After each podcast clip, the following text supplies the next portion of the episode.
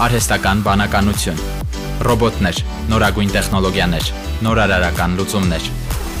IT շփաթ Իմ ռադիոյի եթերում։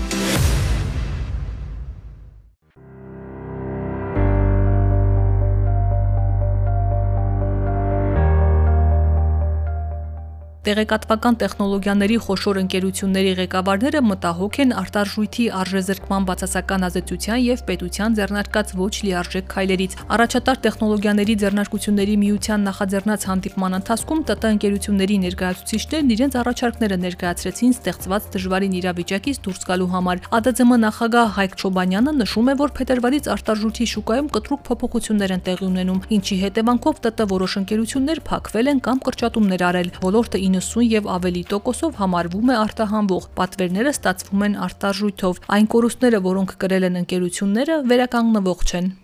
Ես ուզում եմ առանձնահատուկ նշել, որ Հայաստանի բոլոր ռազմավարական փաստաթղթերում բարձր տեխնոլոգիական ոլորտի դերակատարումը մինչև 70% է։ Սա նշանակում է, որ երբ որ մենք խոսում ենք ոլորտի վնասների մասին, երկարաժամկետ տեսանկյունից դա լուրջ ռազմավարական վնաս է Հայաստանի տնտեսությանը եւ Հայաստանին ընդհանրապես։ Ապրիլ ամսից սկսած մենք տասնյակ հանդիպումներ ենք ունեցել եւ կենտրոնական բանկի եւ բոլոր գերատեսչությունների ղեկավարների հետ տեղի են ունեցել նաև համատեղ բազմաթիվ քննարկումներ։ Դրանց արդյունքում մենք հունիս-հուլիս ամիսներին ներկայացրել ենք ոլորտի աջակցության սուբսիդավորման կառավարության որոշման նախագիծ,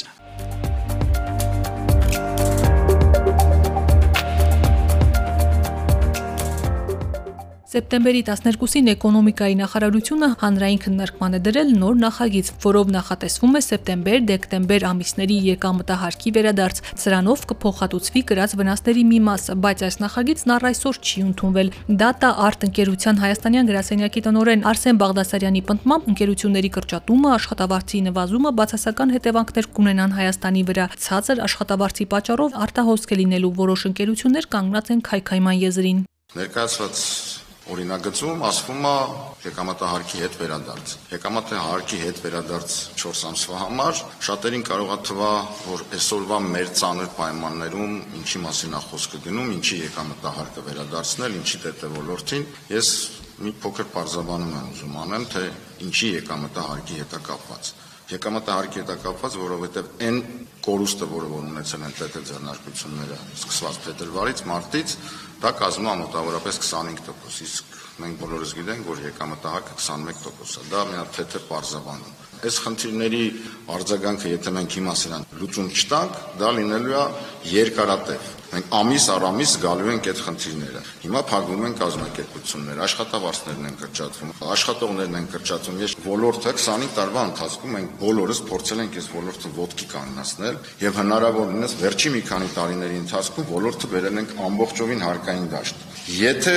արտահոսքել չլինի, այդ հարկային դաշտից գնալ դեպի ֆրիլանս տարբերակը դա հստակ կլինի, որովհետև մարդիկ էլ չեն գտնի պաշտպանություն մեծ կամ փոքր կազմակերպություններով, իմանալով հանդես, որ կարող է մի սիրունով կազմակերպությունը փակվի։ Եվ ստեղ նաև ամենամեծ խնդիրը նաև միջազգային այդ անունն է, country branding-ը։ Մենք տարիներ շարունակ փորձել ենք ներկայացնել Հայաստանը որպես ինչ ուզում լինի, IT ոլորտը ստաբիլ իր քայլերով գնում է առաջ։ Եվ այսօր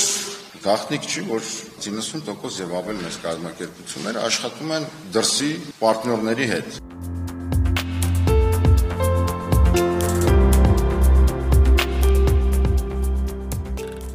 ՏՏ կազմակերպությունները, որոնք ներդրումներ էին անում կրթական, սոցիալական զարգացման ծրագրերում, արդեն չեն կարող դրանք իրականացնել։ Վտանգի տակ են դրվում բարձր տեխնոլոգիական վերարտադրական process-ները, նույնպես նշում է Վոլո ընկերության տնօրեն Արմեն Քոչարյանը շատ ժամանակ, երբ որ վերլուծություն են կանում իրավիճակը, փորձում են գնահատել ացույց ինչքան կազմակերպություն է փակվել, ինչքան աշխատատեղ է կրճատվել, սակայն կարծում եմ հիմա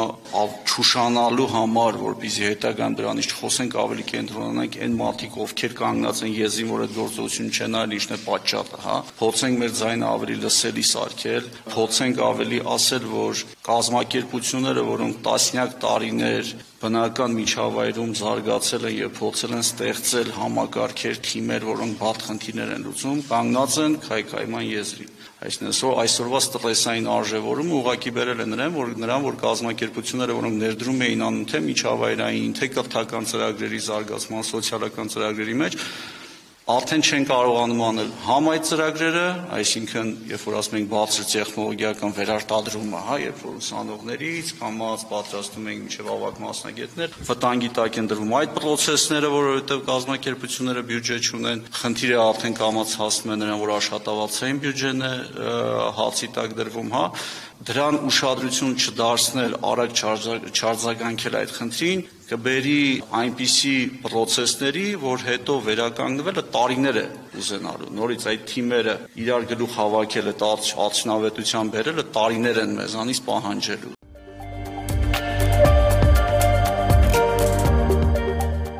Մասնագետների պնդմամբ կառավարությունը որևէ կերպ պետք է խնդրին լուծում գտնի, քանի որ արտարժույթի արժեզրկումը վտանգում է ՏՏ ոլորտի զարգացումը։ Ընկերությունների ղեկավարները ցանկանում են իրենց ձայնը լսելի դարձնել, որ արտարժույթի արժեզրկման հետևանքով առաջացած ռիսկերի մեղմացման ուղղված նախագիծը հնարավորինս շուտ ընդունվի։